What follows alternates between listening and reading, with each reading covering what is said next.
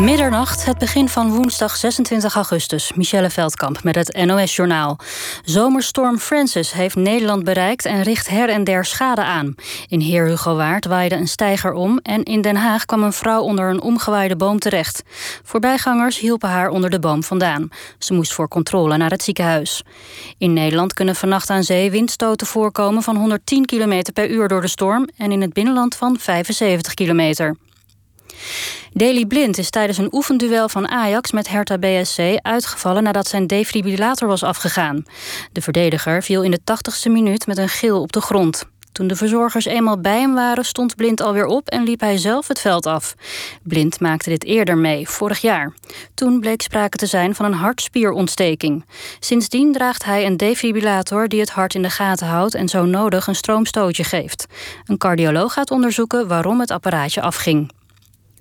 Op het Grevelingenmeer bij de Brouwersdam in Zeeland is een server overleden. De hulpdiensten werden aan het eind van de middag gealarmeerd. Er is nog geprobeerd het slachtoffer te reanimeren, maar de server is ter plekke overleden. In mei van dit jaar kwamen voor de kust van Scheveningen vijf servers om het leven, mogelijk door een combinatie van harde wind, stroming en een dikke laag zeeschuim. Aan een conferentie in Boston eind februari kunnen 20.000 coronabesmettingen worden gelinkt. De 50 onderzoekers verklaren de enorme besmetting bij het biotechbedrijf Biogen doordat er in februari nog heel weinig bekend was over corona. Het weer, vannacht wisselvallig en het gaat hard waaien. Aan zee kan het enige tijd stormen. Daar kunnen dus die windstoten voorkomen van 110 km per uur. In het binnenland van zo'n 75 km. De komende dag neemt de wind pas in de middag af. Het wordt dan zo'n 19 graden. Dit was het NOS Journaal. NPO Radio 1. VPRO. Nooit meer slapen.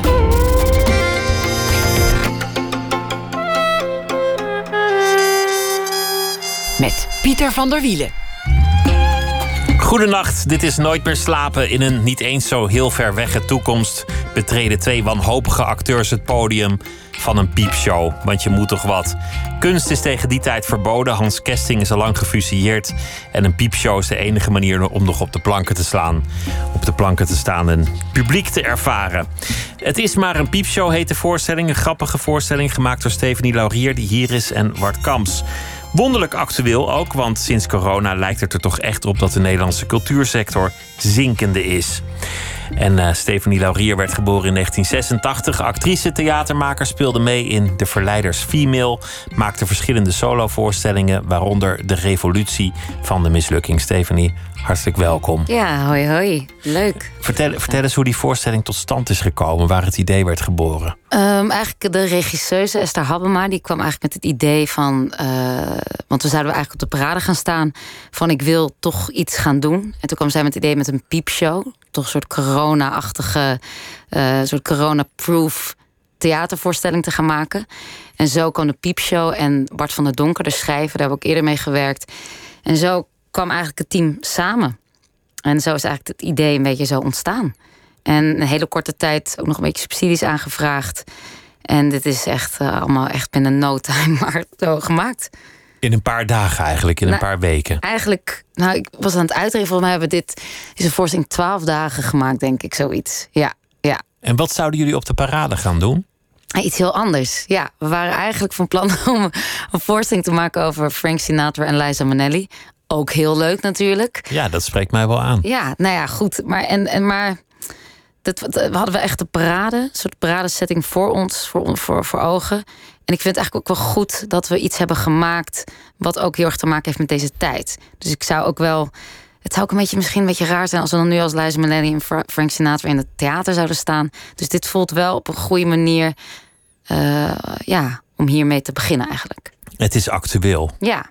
Jij, jij, staat normaal gesproken altijd wel ergens op Lowlands, waar, waar je presenteert. De parade noemde je. Ja. Er zijn nog een aantal van die plekken waar jij regelmatig komt wat allemaal niet door is gegaan? Ja, de zomer is voor mij wel echt druk. Dat is gewoon alles bij elkaar. En ik zou nu dus de parade weer hosten. Uh, ook met mijn eigen muziek, want dat doe ik natuurlijk ook nog even daarnaast. Dus voor mij zou het helemaal weer vol zitten. Dus dit was eigenlijk de eerste keer dat ik helemaal niks had. Uh, ja, een rare gewaarwording, ja. Hoe was dat? Uh, nou, ik vind het raar dat, dat mensen zich snel ook wel kunnen aanpassen. Want dit is ook gewoon de situatie hoe het nu is. Toch? Dus als het. Iedereen zit hierin. Dus je kan, je kan ook niet heel veel aan doen. Uh, ik vind het zo wonderlijk, want het is het gesprek dat je met zoveel mensen hebt over, over ja. werk, over vakanties, over congressen.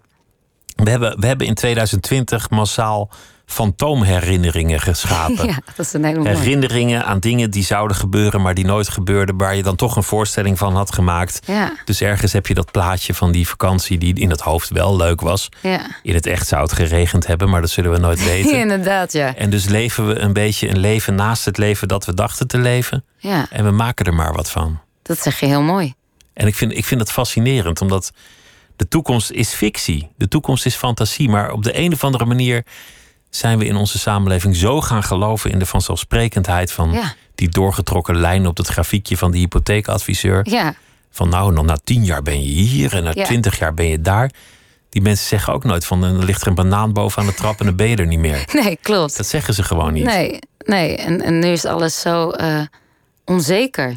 Alles is onzeker. En de toekomst, ja, de toekomst, de toekomst is al, al morgen, is al over een paar uur. Het is bizar. Je kan, ik, er is helemaal geen houvast, er is niks meer.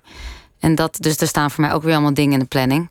Maar ik weet het gewoon niet. Ik ben nu hier met jou. En dat vind ik leuk. Maar in het hier en in het, het hier nu. en het nu. En, en, en dat besef, ja. Dus je zegt ja, omdat je denkt, nou ja, ik kan makkelijk ja zeggen. Weet jij veel of het doorgaat? We zien wel. Ja, dus ik ben nu ook maar op alles maar ja aan het zeggen. En nu ben ik dan ineens heel druk, omdat ik nu op alles ja heb gezegd. En alles komt nu tegelijkertijd. Maar voor hetzelfde geld gaat morgen niks meer door. En zo, zo, zo leven we allemaal. Zo. Maar ik vind het wel fascinerend dat we de vanzelfsprekendheid, dat het. Ehm, ja, dat, dat, dat we ook er gewoon mensen zijn, wat, we kunnen ons heel snel aanpassen op de situatie. Toch? Dit is wel van de Dat hoop ik dat we dat nog kunnen, dat we dat niet zijn verleerd. Ik hoop het ook van mezelf dat ik het niet ben verleerd. Nee, maar ik bedoel, je, je, je probeert wel gewoon door te gaan. Of je, probeert, je kan verder niks anders dan maar gewoon per dag te kijken wat je kan doen, toch? Ik spreek, ik spreek wel mensen, ook in de cultuursector, muzikanten bijvoorbeeld, die zeggen: Nou ja, nog één maand of nog twee maanden. En dan moet ik toch wel dit huis uit. Ja. Dan ga ik die huur echt niet meer betalen. Ja. Dan is het wel gewoon echt over. Ja, het is, het is, er is vandaag ook een uh, brandbrief gestuurd naar de Tweede Kamer vanuit de culturele sector. Dus, dus, dus wat, wat ik heel naar vind, is dat kunst die nog bestaat, daar uh, wordt ook weer alles in verkort. Dus er komt een soort kaalslag nu. Dus ook heel veel subsidies. Die al bezig was. Die al bezig was. En ik denk van dat moeten we dus niet gaan doen. Dus hetgene wat er nog is, dat moeten we volgens mij gaan ondersteunen met z'n allen. Dus er is vandaag dus ook dus een brief ondertekend met heel veel artiesten en kunstenaars. Uh, zodat er weer geld vrijkomt voor heel veel gezelschappen. Uh, ook heel veel vrienden van mij. Die, uh, dus ze hebben dus wel een positief um, geluid gekregen. Maar het bedrag is niet gehonoreerd. En dat is natuurlijk verschrikkelijk. Ja, wat er allemaal nu gebeurt. Want heel veel dingen waar we aan gehecht zijn, die zullen er straks waarschijnlijk niet meer zijn. Ja. Musea, theaters, ja, festivals. Kan je, kan, kan je dat voorstellen? Ja, dat is, dat is onbegrijpelijk. Dat is, een, dat is echt een, een, een. Nou, de voorstelling wat je zei. Het is een, een tragicomedie, want het is ook heel grappig dat we dan twee acteurs spelen in een piepshow, hahaha. Maar tegelijkertijd voelt ook ergens als een, als een, als een raar dystopisch toekomstbeeld. Dat je denkt, ja, ofwel. Want cultuur, het wordt steeds minder. Uh, het is bijna niet meer mogelijk wat je zegt. Musea, alles gaat weg. Uh, kan het nog wel bestaan? Uh, de festivals, Lowlands, de parade. Ja, ik word nu best wel depressief nu ik met jou praat. Ik weet niet of dit heel goed is. Het, het was de laatste jaren al niet zo dat politici overliepen van liefde wanneer het ging over cultuur. Nee. Dan kreeg je van die zinnen als uh, waarom is de ene zijn hobby wel gefinancierd en de ander zijn hobby niet. Ja. Dat soort teksten. Ja, dus... Of ze staan met de, met de rug naar het publiek en de hand naar Den Haag. Ook zo'n pareltje. Ja, het is... Dus ik, ik verwacht er eigenlijk niet zoveel van. Nee, ik ook niet. Dus daarom vind ik het fascinerend. Dus daar is het nog schrijnender dat, dat dan dit gebeurt. Dus dat op zulke momenten kunst zo hard nodig is. Dat er daar dan ook nog eens nog meer in wordt uh, gekort. Dat is. Ehm, ja, ik, ik, ja ik, vind het, ik vind het heel dubbel hoor. Want ik, ik ben er natuurlijk over aan. Want dit is mijn werk, dit is wat ik doe. Maar ik, als ik dan nu ga nadenken over dat festivals niet meer doorgaan, dat toeren niet meer doorgaat, het theater, uh, poppodia. Ja, ik kan er helemaal geen antwoord op geven. Ik vind dat krankzinnig. Ik zou het wel echt jammer vinden als je een land hebt met snelwegen en fastfoodrestaurants en geen cultuur. Als dat het gewoon was. Ja, wij een, een milkshake langs de snelweg en naar je werk en weer naar huis en, en dan tv kijken. Ja, we, ook in de voorstelling zeiden we ook het enige cultuur dat er is, is, is dan de Efteling, Efteling en piepshows. De, that's it. Dat zijn dan nog enige twee uh, vormen van entertainment. Maar de rest is gewoon verboden, kan niet meer, uitgestorven, niks. Het is, het is om, om niemand te put in te praten een heel erg grappige voorstelling. ja, ik ben dan wel behoorlijk in de put aan het, uh, aan het gaan. Maar ja, het is, het is een grappige voorstelling, ja. Nu iedereen toch in de put zit. Ik kwam een oude kennis tegen, die is, uh, die is oncoloog geworden. Wist ik ook niet. En die, die, hij noemde het zelf een kankerberoep, wat ik een flauwe grap vond, maar hij mag hem maken. En hij doet, doet, een, uh, doet longkanker. En hij zei: Ik ben de man die je niet wil ontmoeten. Zoiets als een echtscheidingsadvocaat. Want als je mhm. bij mij komt, is de kans dat je het overleeft niet zo gek groot. Dus hij maakt mensen mee. En dat vond hij ook mooi aan het werk. Voor wie alles op het spel staat. Omdat ze mhm. misschien wel stervende zijn. En toen zei hij: Dan leven ze op het scherpst van de snede. En er zijn ineens andere dingen belangrijk. Mhm. Liefde, familie, vrienden, dat soort mhm. dingen. Waar ze naar geleefd hebben, hoeft ineens niet meer belangrijk te zijn. Dus je werk bijvoorbeeld. Maar hij zei, alle mensen die grijpen dan op zo'n moment naar kunst, muziek. Allemaal naar hun eigen smaak. Hè? Dus, dus uh, André Hazes is natuurlijk ook hoge kunst. Maar dat viel hem op. Dat mensen op zulke momenten ineens enorme behoefte hebben aan creativiteit, aan uitingen. Ja. Crisis en crisistijden hebben behoefte aan, aan alle vormen van kunst, dus ook entertainment. En zeker, ja, dat biedt troost en dat, dat geeft mensen iets. Dus als we dat. Maar dan, het lijkt wel bijna alsof mensen zich dat niet uh, kunnen beseffen. Dus er moet waarschijnlijk echt iets heftigs gebeuren voordat het besef komt. Maar nu zitten we daarin en nu lijkt het alsof het besef daar ook nog steeds niet is. Nee, en straks missen we het misschien. Nou ja, ik, ja, maar goed, dan zijn, we, dan zijn we al te laat. Laten we, het, laten we het over andere dingen hebben. Oh laten we eens beginnen met, met, met, jou, met jouw leven. Want, want je, nog, je, nog dit wordt een hele deprimerende avond, mensen. Opgegroeid in, in, uh, in Amersfoort, maar geboren in Leiderdorp. Ja. En, en, en voortgekomen uit een sprookje, namelijk een zeeman ontmoet een vrouw in Chili. Ja. En, en wat deed hij daar? Hij was, ja, ik weet het niet zeker, want mijn vader ken ik eigenlijk niet eh, heel goed. Die is ook overleden. Maar hij was volgens mij aan het varen natuurlijk. Maar hij deed met morsecode of zoiets. Iets in die trant. Maar verder weet ik eigenlijk niet. Dus ik heb morsecode? morsecode iets. Ik heb een soort van beeld Dat was van zijn werk? Dat was zijn werk. Ik, ik heb een soort beeld van hem. Ik heb geen idee wat hij... Ik weet alleen dat hij op een boot... Hij, was, hij, hij werkte op een boot. En daar deed hij iets. En ik weet niet precies wat. Ik ken, ik ken mijn vader helemaal niet. Hij schuimde de zeeën af, kwam over de hele wereld. Ja. En ergens op een van die plekken ontmoette hij jouw moeder. Ja. En wat heeft je moeder jou ooit verteld over die, over die ontmoeting? Ja, niet. Ja, eigenlijk niet zoveel. Ja, ik heb, ik heb een beetje een complex uh, uh, verhaal over, over mijn ouders. Um, maar eigenlijk niet zoveel. Dus ik heb zelf eigenlijk een, een verhaal gemaakt. Je hebt er zelf maar een sprookje van gemaakt. Ik heb er zelf maar een soort sprookje van gemaakt. Wat begon met een sprookje en wat niet allemaal heel leuk eindigde. Maar ik geloof wel dat, ze, dat, het, dat het liefde op het eerste gezicht was. Dus ik heb mijn vader wel ontmoet. Uh, een maand voordat hij kwam te overlijden. Dus ik heb hem toen echt al, al 24 jaar had ik hem niet gezien. Toen kwam te overlijden en toen heeft hij mij uh, uh, een Facebook bericht gestuurd. En toen zei hij ja ik kom te overlijden. Dus als je mij nog wil ontmoeten, dan kan dat nu. En daarin vertelde hij gewoon heel kort over hun ontmoeting. Over dat het liefde op het eerste gezicht was. Maar dat liefde op het eerste gezicht niet altijd iets goeds betekent. dat, Hoeft niet duurzaam te blijken. Nee, inderdaad, ja. ja. Maar dan, dan, dan zit je daar ineens met die man die je niet kent. Ja. Met een soort, soort uh, verplichting om alles wat je ooit wil weten nu maar te vragen. Ja. Terwijl je dat nog helemaal niet voor jezelf hebt uitgezocht wat je wil weten en of je het wel wil weten. Exact. En dan zit je met eigenlijk een vreemde. Ja, het is een hele rare ja, gewaarwording. Ja. Het is dan het, besef dat het, het wordt dan ook abstract. Voor mij is altijd een vader dan een abstract iets geweest. En nu krijgt dat abstracte geheel een, een, een, hè, een persoon, een figuur, een beeld, een gezicht.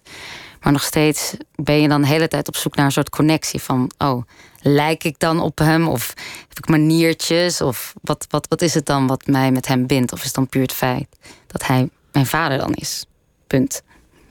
Ja, en was die eigenlijk je vader? Ik bedoel, biologisch was die wel je vader, maar wat is eigenlijk vader zijn? Ja, exact. Dat, want, want iedereen kan vader worden, maar vader zijn is iets anders. Ja, exact. Dus dan kijk ik om me heen en denk ik, oh ja, dat is dan een vader-dochter relatie. Maar voor mij, ik had dat natuurlijk niet, nee. Want jij groeide op met alleen die moeder. Mijn moeder en mijn stiefvader.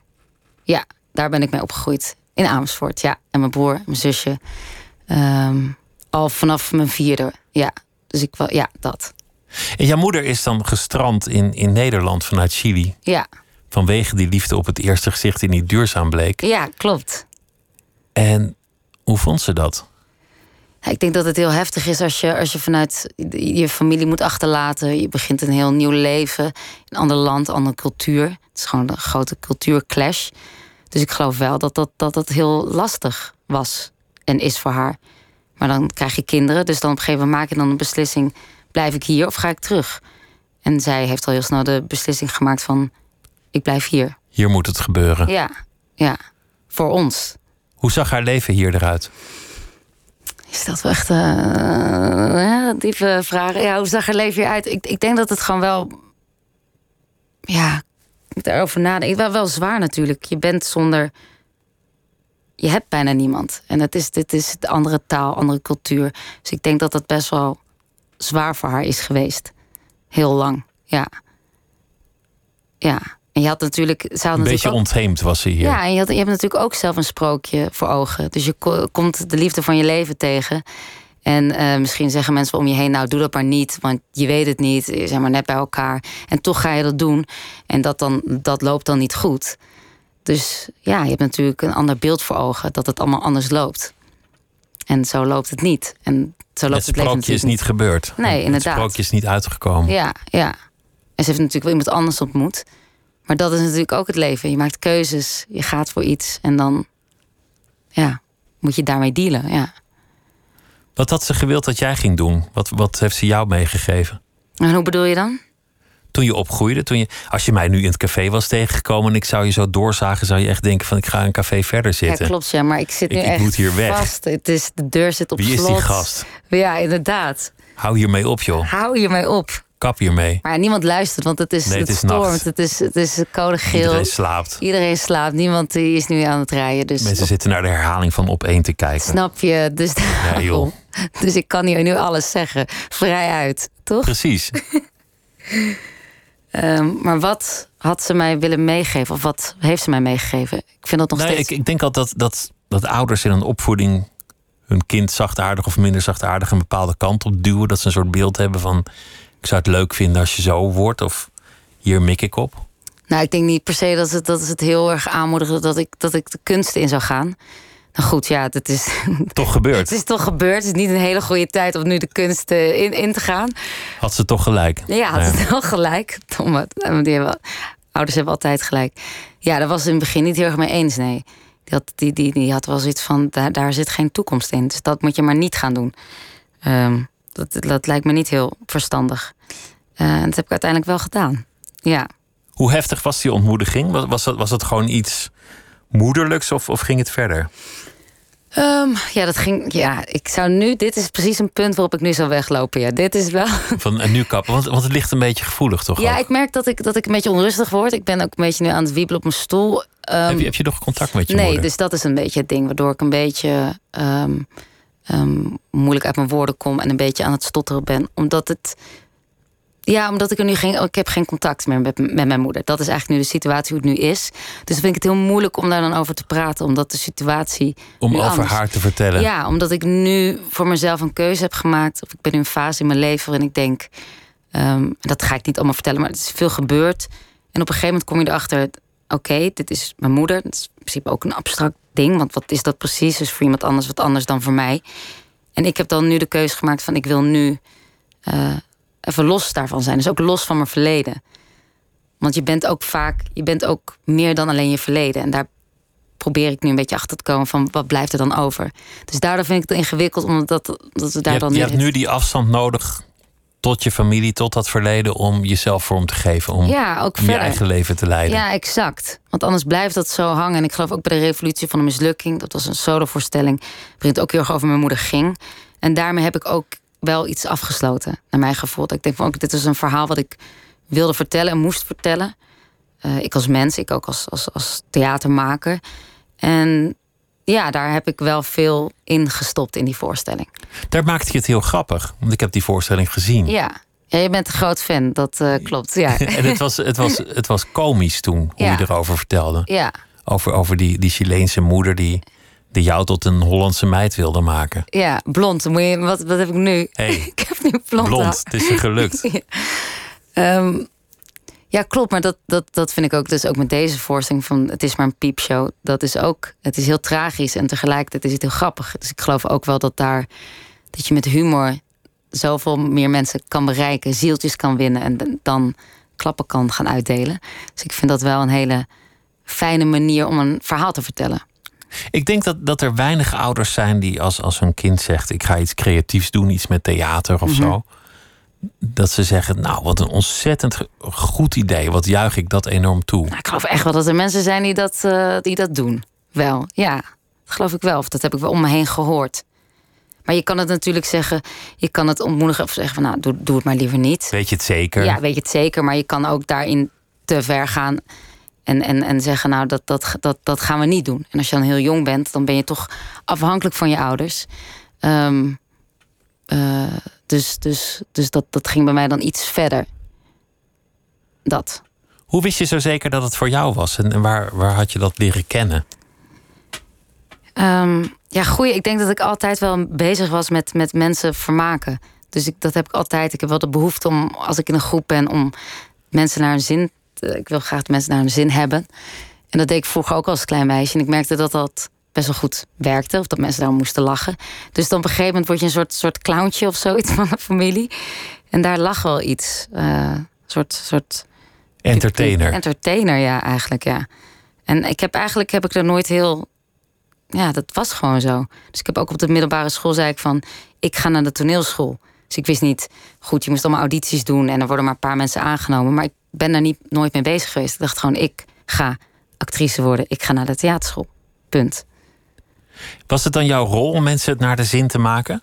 Van iemand moet het doen, iemand moet de sfeer redden? Ja, ik weet, ik denk dat, dat, dat, dat iedereen wel zo iemand toch in zijn vriendengroep heeft die dat dan doet. De entertainer. De entertainer, de entertainer in een groep. En ik deed dat dan zo uit, uit mezelf. Ik probeer dat nu iets minder te doen, want anders dan blijf ik maar bezig. Dan ben In je ik... vrije tijd is de entertainer stopgezet. Nee, ik doe dat nog steeds. Dat, dat zit wel in me, maar ik probeer dat soms een beetje zo iets minder te doen. Eh, anders blijf ik maar bezig. Eh, maar dat, dat is een, een soort karaktereigenschap wat, wat in me zit. Ja, ik vind het fijn om mensen... eh, ja, dat mensen gewoon zich prettig voelen. Ja, en, en een fijne tijd hebben. Ja, dat vind ik leuk en aangenaam. En ja, Is het ook, natuurlijk. goede gastvrouw zijn. Is het dan ook iets, dat- iets dat doorwerkt? Als je, als je zeg maar niet thuis met applaus bent overladen... en met rozenblaadjes ondergestrooid elke keer dat je thuis kwam van de to- toneelschool. Ja. Is dat iets dat doorwerkt? Word je daar nerveuzer van? Van? Van, Van het gebrek aan, aan stimulans van huis uit?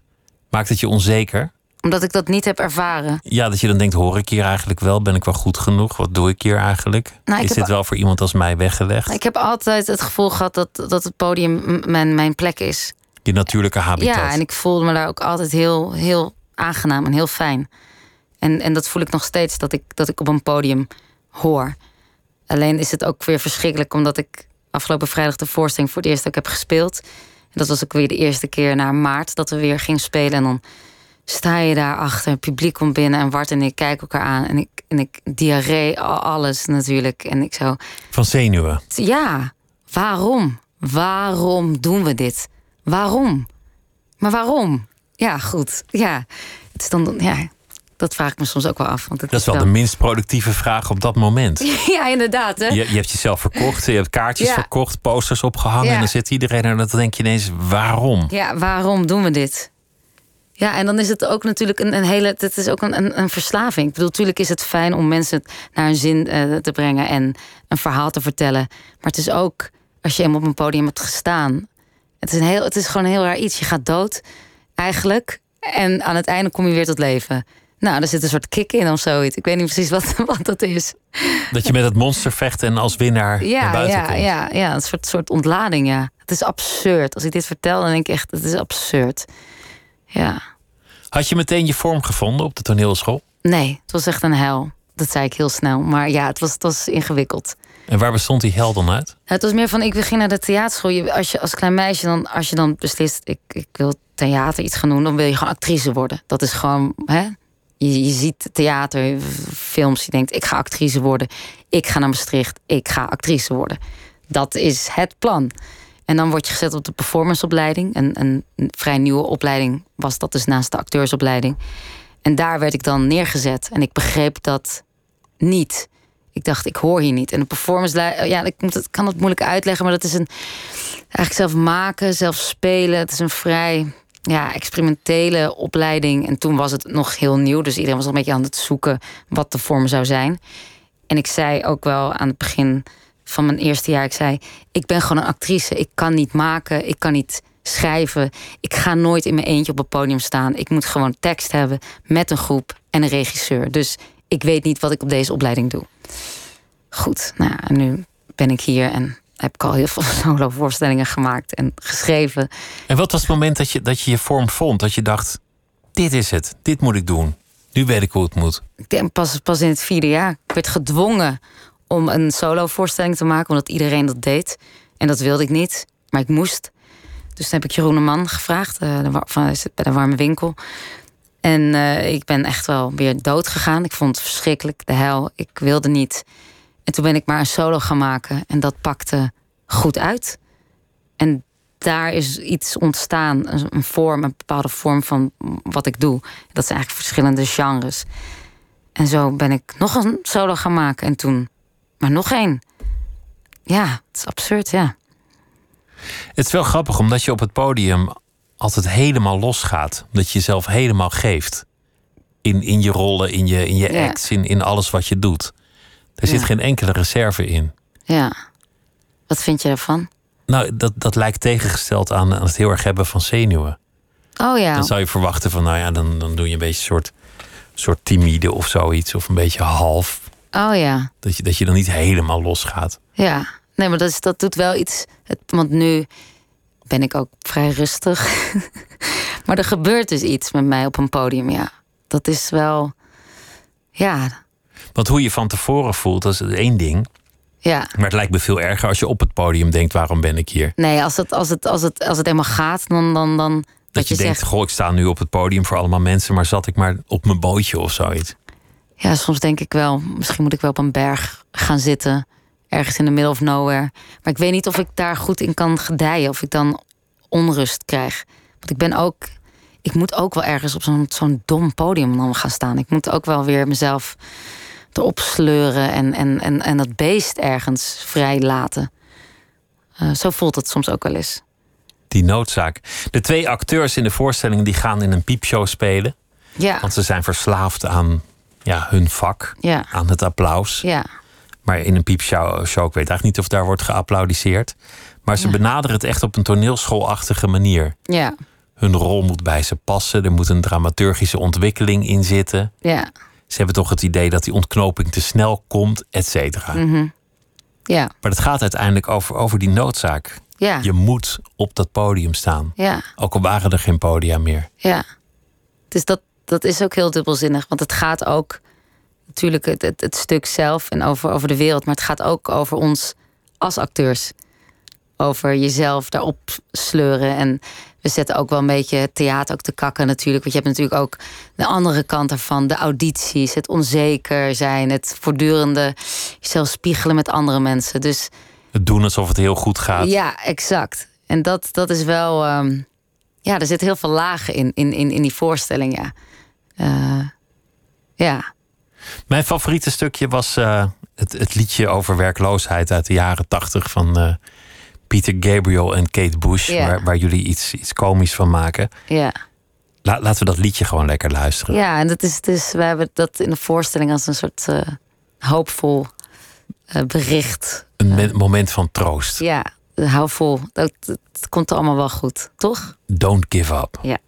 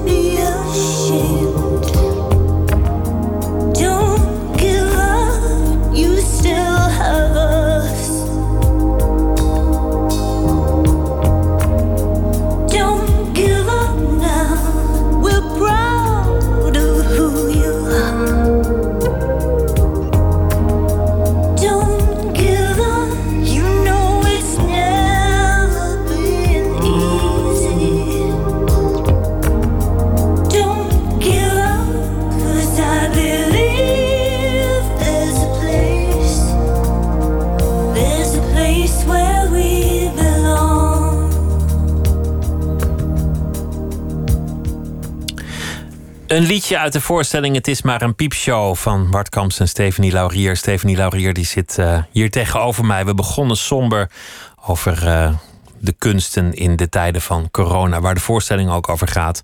Maar het is een vrolijke en grappige voorstelling in korte tijd gemaakt. Andere dingen gingen niet door. Sommige dingen gaan misschien wel door, misschien ook niet. Ze zegt maar ja op alles en heeft het daarom eigenlijk nu heel erg druk. In tegenstelling tot veel vakgenoten. Oei, nou, dat klinkt wel heel, uh, ja. We, we maakten ons uh, zorgen over de toekomst van, uh, van de cultuur. We werden een beetje somber. Toen gingen we het hebben over je leven. En ik trof je eigenlijk op een moeilijk moment om daarover te praten. Over je familie, je opgroeien. Je hebt daar een voorstelling over gemaakt. De revolutie van het mislukken. En daarin heb je dat afgeschud. En nu is er een fase waarin je jezelf, nou ja, je eigen weg moet vinden. Misschien eventjes met afstand van je moeder. Die revolutie van de mislukking ging eigenlijk over een samenleving waarin iedereen schittert. Waarin iedereen laat zien, kijk eens hoe goed het mij gaat. En jij, jij zegt eigenlijk moeten we onze mislukkingen omarmen. Ja. En je vertelt daarin ook over een aantal dingen die jij hebt meegemaakt. Bijvoorbeeld dat je een voorstelling had die, die geplaatst was als cabaret. Best wel veel theaters, best wel lange reeks. Ja. Maar omdat het geen cabaret was, stond je in allerlei zalen waar mensen een totaal andere verwachting hadden van wat jij kwam doen. Ja. Mensen liepen weg. Mensen gingen een beetje sissen of ongemakkelijk op een stoel schuifelen. Ja. Wachten op het moment van de lach en die kwam helemaal niet. Ja. Dat, dat lijkt me super pijnlijk, Oh zo'n reeks. Oh my god, het, het wordt echt een hele deprimerende a- avond. Is dat een traumaatje? Eh, een traumaatje, ja. Het is, het is ook weer een, een, les. En het is ook wel... De, de verwachting, dat is wel een goeie. Dat is wel een soort ding ook in, in, in wat, wat ik maak. Dus bij mij, je kan mij niet in een hokje stoppen. En mensen proberen dat. Dus daardoor is het soms eh, ingewikkeld om, om, om te werken met die verwachting. Of de verwachting die mensen hebben. Van ik koop een kaartje voor Stephanie Laurier. Wat krijg ik dan Ja, eigenlijk? en ik hoop dat mensen op een gegeven moment weten wie Stephanie Laurier is. Met al haar facetten. En dat je gewoon weet, oh ja, dit kunnen we krijgen. In dat plaats dat van, wordt leuk, daar moet ik naartoe. En het is anders, dat is origineel. Ja, het is grappig en, en tragisch. Het is, het, is, het is alles. Maar het is niet grappig op de manier zoals Joep van het Hek grappig is. Dat je van grap naar grap gaat. Nee, Dat je gewoon echt die lach opzoekt. nee, nee. Het is iets anders. Ja, en dat is volgens mij ook goed. Maar dat is dus ook even ingewikkeld om, om, om, om jezelf dan daarin in, om jezelf neer te zetten in de wereld. En eh, daar ben ik heel lang mee bezig geweest. En ik heb het heel lang als iets negatiefs gezien. Dus ja, natuurlijk, na zo'n tour kom je niet heel blij eh, eh, naar, naar buiten. Maar ik heb ervan geleerd en ik heb het Maar ook hoe, hoe, is dat? Dan, dan, dan kom je terug uit uh, Koevoorde of, of Ja. Naaldwijk. zoiets, ja. En dan heb je daar in een theater gestaan voor toch al niet heel veel mensen. Ja, Waarvan een aantal wegliepen. ja, Een aantal uit vriendelijkheid bleven zitten. Maar elkaar een beetje aankeken van waar zijn we? ja. De theaterdirecteur is nog vriendelijk. En die zegt, nou, volgens mij was het eigenlijk ook wel weer leuk. En dan rij je in je, in je Subaru of wat je ook rijdt naar Ik huis. heb wel helemaal geen rijbewijs, hè? Ja, Ik geen rij- dan moest je nog met de trein ook. Ja, ja, of, En de ja. bus. Oh my god, dit wordt zo... De, ja. En dan kom je s'nachts thuis. En dan ben je best wel lang weg geweest. Oh ja. En dan heeft, de, heeft de kat gespuugd. En dan, en dan, Triest, hè? Dan denk je echt, waarom doe ik? Hoe Ja. heb je dat overleefd? Hoe, hoe kan het dat je, dat je toch door bent gegaan? Ja, dat, dat was wel een, een, een totale hel. Zeker. Ik ben toen ook weggaan gaan eh, bij een impresariaat. En ik, ik was echt... Tuurlijk is, is dat het, het grote gevo- gevoel van, van falen. Is dat je, dat je iets hebt gemaakt... wat door heel veel mensen wordt omarmd. Dus ook op school, op de parade. En dan ga je daarmee naar de theaters. En dan werkt het niet. Of je wordt verkeerd neergezet.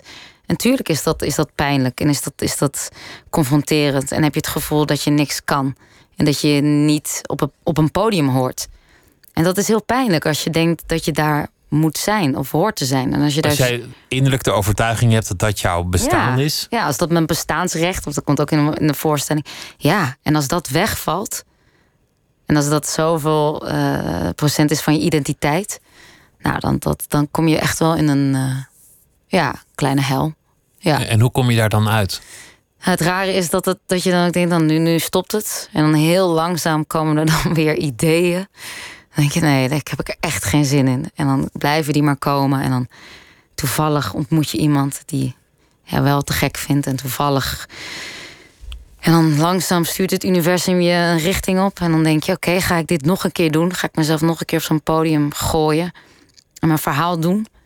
En dat heb ik gedaan. En uh, ik dacht, ik kan nu alleen maar maken echt wat recht uit mijn hart komt. En als dat niet in die zin wordt geaccepteerd, dan stop ik ermee. Dat dacht ik, ja. En had, je, had je ook al een plan B, een, een bed and breakfast in de Ardennen nou, of zoiets? Ik dacht wel, dan ga ik wel naar het buitenland. Anders vind ik het gewoon gênant. Ja, dan ga ik gewoon weg. Zoiets. Ja. Dus uh, ja, ik, ik, ik had wel zoiets van: dit, dit, dit moet wel. Uh, als, als, als mensen dit, dit niet begrijpen, dan, dan weet ik het ook niet. En gelukkig werd het begrepen en omarmd. En daar was ik wel blij mee. En de rest is geschiedenis. En, en nu zitten we hier. En... Nu zit ik hier met jou. Ja. Dan we heel deprimerend te praten over alle. Maar ik ben wel met je eens dat, dat, dat we mislukkingen meer moeten omarmen. Ja. Niet dat je moet streven naar mislukking, maar mislukking zal er zijn. En, en waarom, waarom zit er altijd zo'n enorme gêne aan een mislukking? Ja. Denk je dat in deze tijd mensen daar misschien meer ik heb wel het gevoel alsof mensen nu meer, iets meer opener zijn over, over, over hunzelf. Dus daarvoor was het natuurlijk, wat, wat ben je aan het doen? Dat was meteen, ah, ik ben hier aan het werken en ik doe dit en ik doe dat. En iedereen staat even stil. Dus ik merk wel, ik heb wel interessante gesprekken met mensen. Dat vind ik wel. Nu het niet meer alleen de goed nieuws show is. Ja, inderdaad. Ja, mensen zijn veel opener, kwetsbaarder door deze kwetsbare tijd. Vind je dat niet? Mm, ik zit er even over na te denken of, of mij nou, dat is opgevallen eigenlijk. Nou, daarvoor was het wel veel, of bij mij dan om me heen. Dan gaat vaak, hoe gaat het met je? Ik zit nu in dit, dit, ik doe nu een projectje hier, ik doe een project daar. Volgende week ga ik hier en het gaat allemaal wel goed. En nu is er ook heel veel uh, werk weggevallen. Oh ja, ik, ik heb wel de indruk dat iedereen geleidelijk aan gek aan het worden is. Gewoon gestoord. Crazy.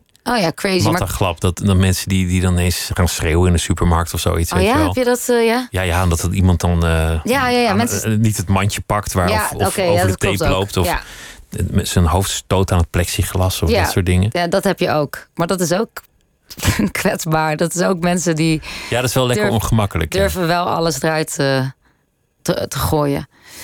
Um, ja, we hadden het er net ook over dat ik, ik vroeg aan jou van wat, wat, wat kunnen we nu doen? In, in deze tijd met, met cultuur. En, um, dus je hoopt ook in deze tijden van crisis dat mensen gaan beseffen hoe belangrijk het is dat kunst bestaat.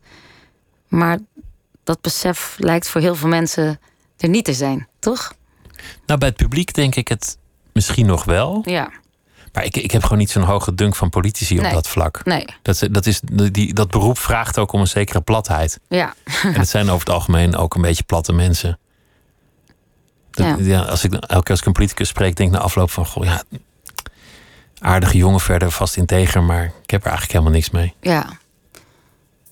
Nou goed, ik... dat is ook weer, ook weer heel somber. Maar jou, jouw voorstellingen zijn ook best moeilijk te plaatsen. Ja. jij doet ook iets dat, dat, dat niet met één woord te vangen is. Als je zegt comedian, weet iedereen: oké, okay, comedian, dan ga ik naartoe. Het is vrijdag, wordt gezellig. Ja.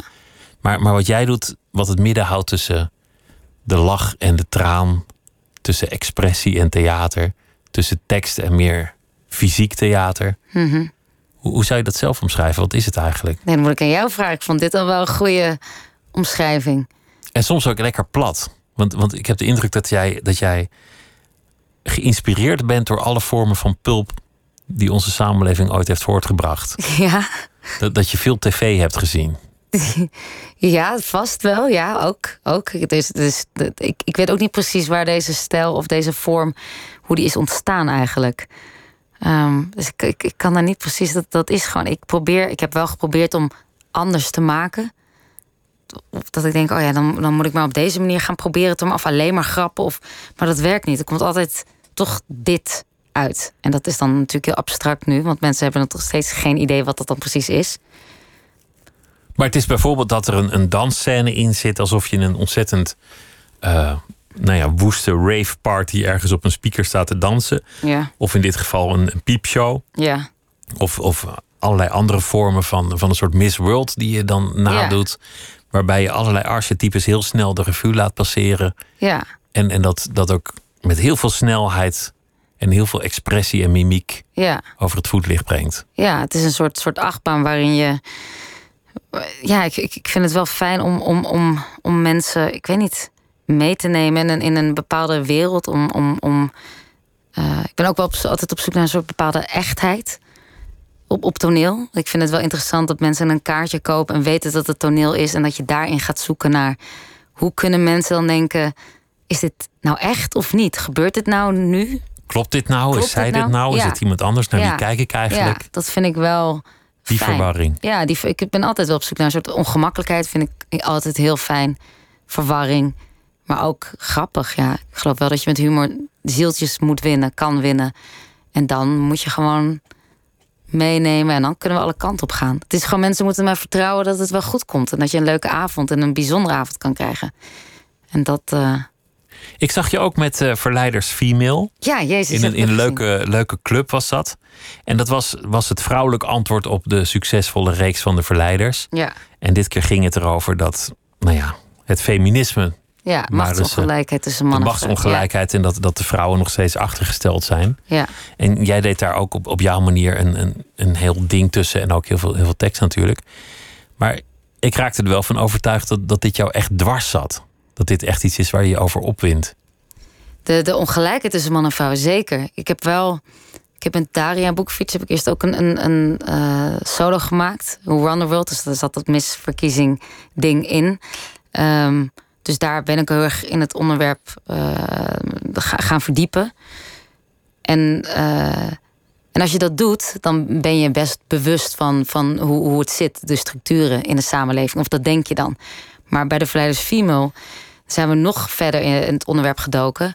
Nou, dan kwamen we ook wel vrij depressief uh, thuis. Want je denkt dat het nou, waar schrok je nog van? Wat, wat wist nou, je nog alles. niet? Veel wel eigenlijk. We hebben het, je hebt het ook gezien, de, de gezondheidszorg vond ik wel een vrij heftig uh, ding. Dat er heel veel medicijnen op uh, mannen zijn getest en niet op vrouwen. Waardoor vrouwen nog steeds de verkeerde dosis krijgen voorgeschreven. Bijvoorbeeld hart, hart- en vaatziekte. Dat een vrouwenhart is anders dan een mannenhart. Ja, ja het is... Maar er is niet echt een behandeling die geschikt is voor het vrouwenhart, want er is nooit onderzoek naar gedaan. Ja, en, en, en Toch dat, de helft van de bevolking. Dat is ongelooflijk. ongelooflijk. En ook de wereld is bijna gemaakt door en voor mannen.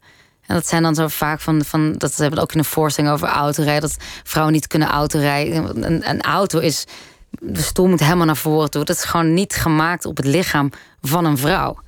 Weet je wel? Dus oh, daar heb ik nooit over nagedacht. Ja, maar dat is, dat, is, dat is zo. Dat moet zo. Ik ben nu. Uh, je hebt geen rijbewijs. Oh, ik ben nu rijles aan het volgen, dus ik, ik zie dat nu. Ik merk het nu. Dat ik denk, ja, dat, dat klopt helemaal niet. Of de telefoon die te groot is voor een hand. Het is. Ja, de, de, en, en dat mensen toch nog steeds overtuigd zijn dat Nederland toch een heel uh, democratisch en uh, goed land is. En dat, dat hier de gelijkheid tussen man en vrouwen, nou, dat het best goed gaat. Maar oh, lieve mensen. Ik wil niet, ja, dit is al een deprimerende avond. We hebben corona.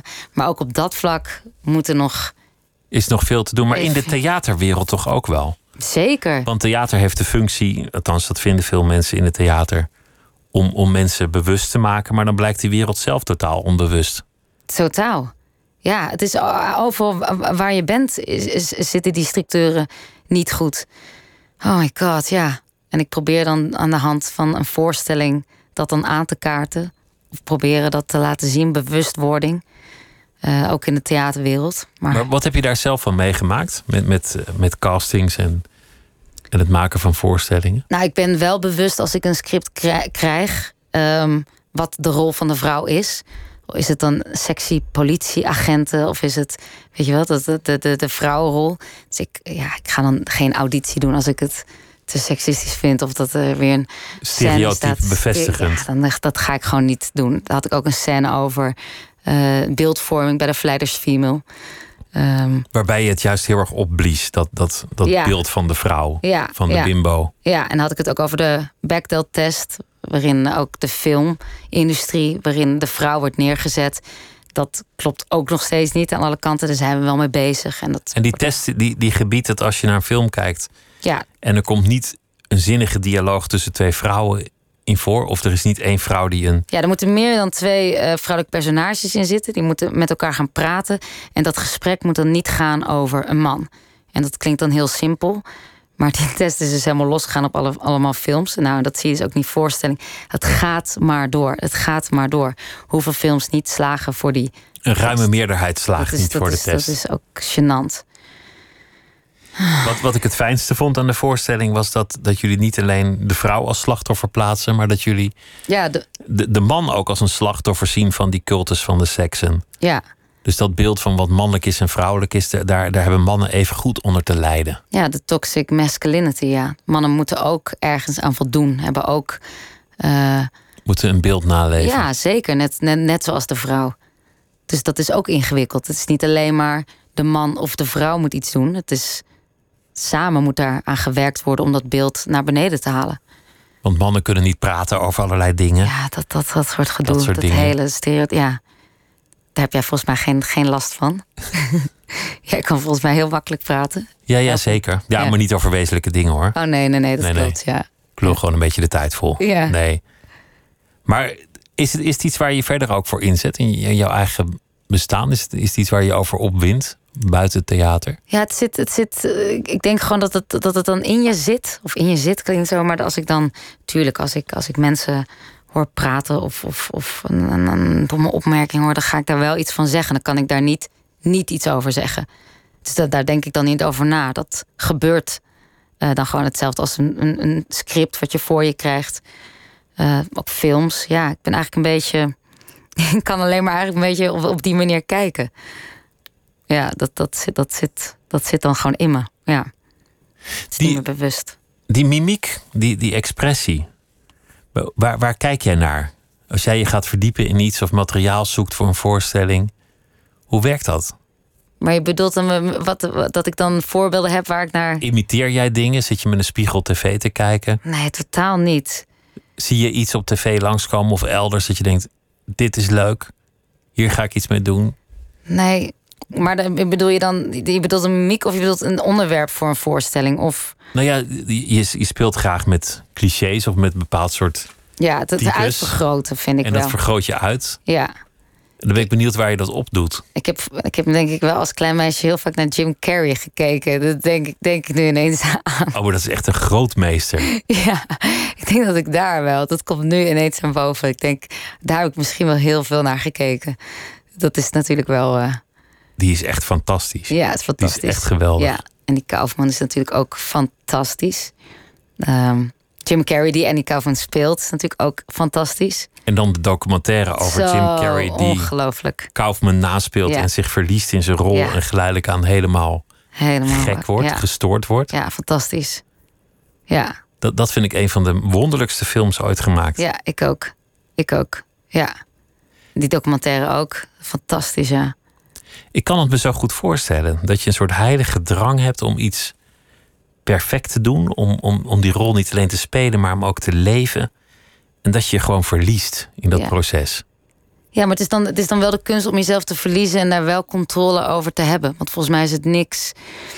Is het niet interessant om te kijken naar iemand die zichzelf helemaal verliest. Maar het is dus wel interessant om jezelf te verliezen, controle te hebben, terwijl het publiek denkt dat je jezelf verliest. Terwijl je eigenlijk nog precies weet wat je doet. exact. En dat vind ik interessant. En dat doe ik wel vaker. En dat, daar zit volgens mij een. een Dus, dus dan doe je alsof, je alsof je helemaal de weg kwijtraakt. ja, misschien wel, ja. Maar intussen is alles beredeneerd en Ja, rationeel. wel. Misschien zelfs bijna wel de improvisaties, wel bijna. Ik hou ook veel van improviseren, maar dat je... Je kan veel sturen, ja. En veel is wel, staat er wel vast. Maar het is dus wel leuk om daarmee te spelen. Wat zijn de grenzen die je kan opzoeken? Ja. Wan- Wanneer is het toch geloofwaardig? Wanneer pikt het publiek het nog? Het publiek kan wel, wel, die gaat wel mee. Dat lukt al. Ja, dat lukt wel. Of ik probeer dat altijd, altijd wel op te zoeken, ja. Ja. En, dat, en dan is het één seconde of twee seconden, dan, dan, dan, dan, dan is het er. Ja. Dat vind ik te gek. Wat, wat zijn al die dingen waar je mee bezig bent, die misschien niet doorgaan, misschien ook wel doorgaan, waar, waar je nu naartoe aan het werken bent? Ik ben, nu, ik ben ook nu ineens ook aan het regisseren. Dat doe ik nu ook erbij, want dat waarom niet? Dat heb je wel geleerd op die opleiding natuurlijk. Nou, niet echt. Nee, nee, nee. Dat, ik, ik, ben ook veel eh, vrouwen die eh, ook solos aan het maken zijn. Dus ik weet een beetje hoe dat werkt en hoe dat zit. Ik ben nu Lisa Loep aan het regi- regisseren. Ehm, Uh, er komt een kerstshow, als die komt, met Bart ook weer, Bart Kams en Tim Kams en Peter van Rooyen.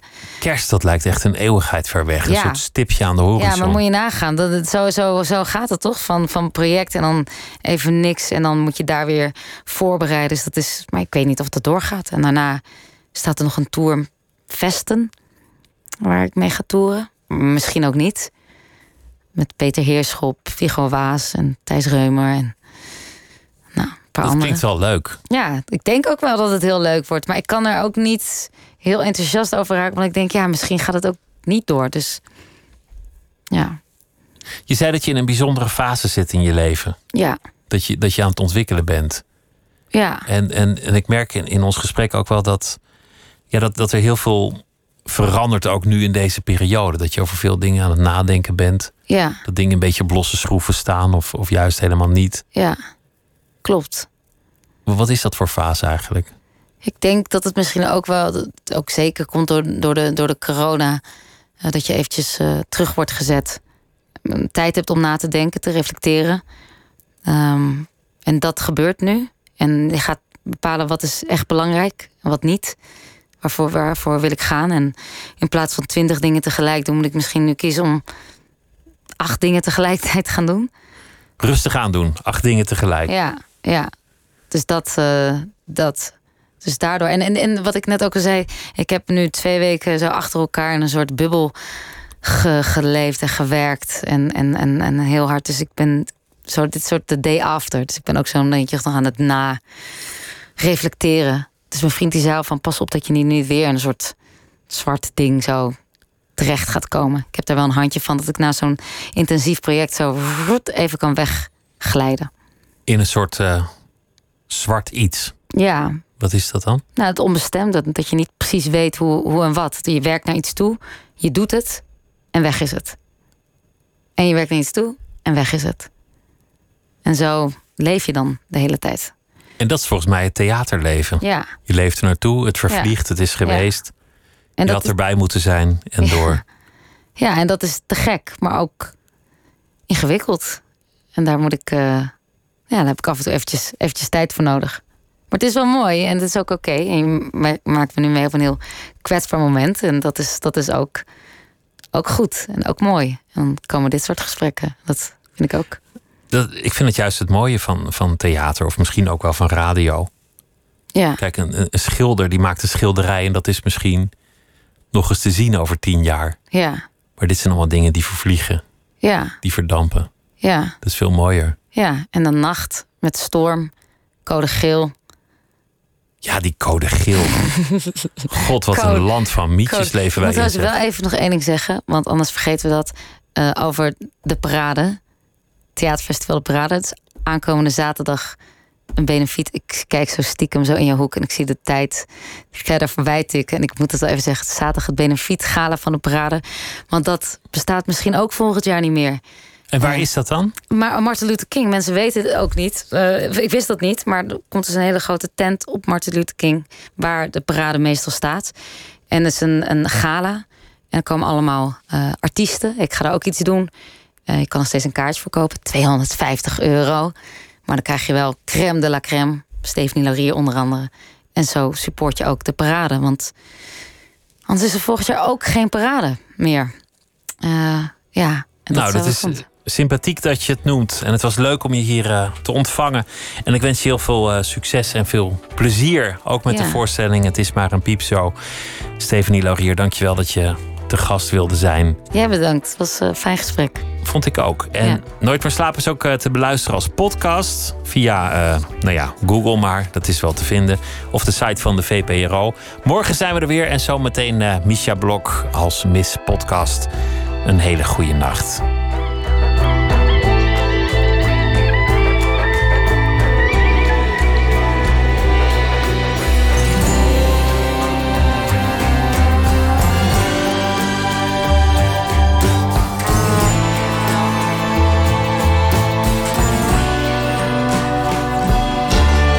Radio 1, het nieuws van alle kanten.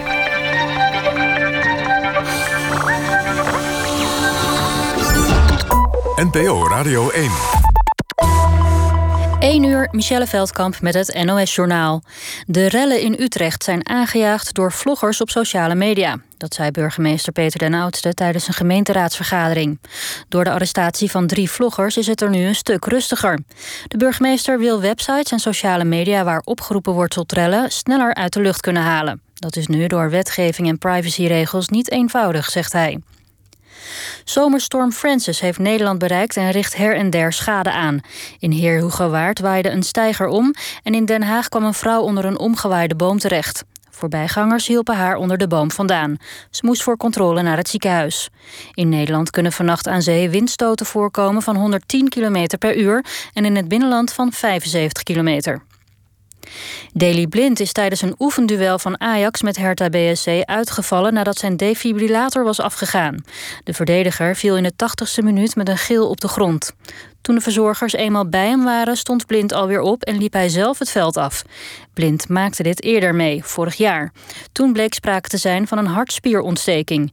Sindsdien draagt hij een defibrillator die het hart in de gaten houdt en zo nodig een stroomstootje geeft. Een cardioloog gaat onderzoeken waarom het apparaatje afging.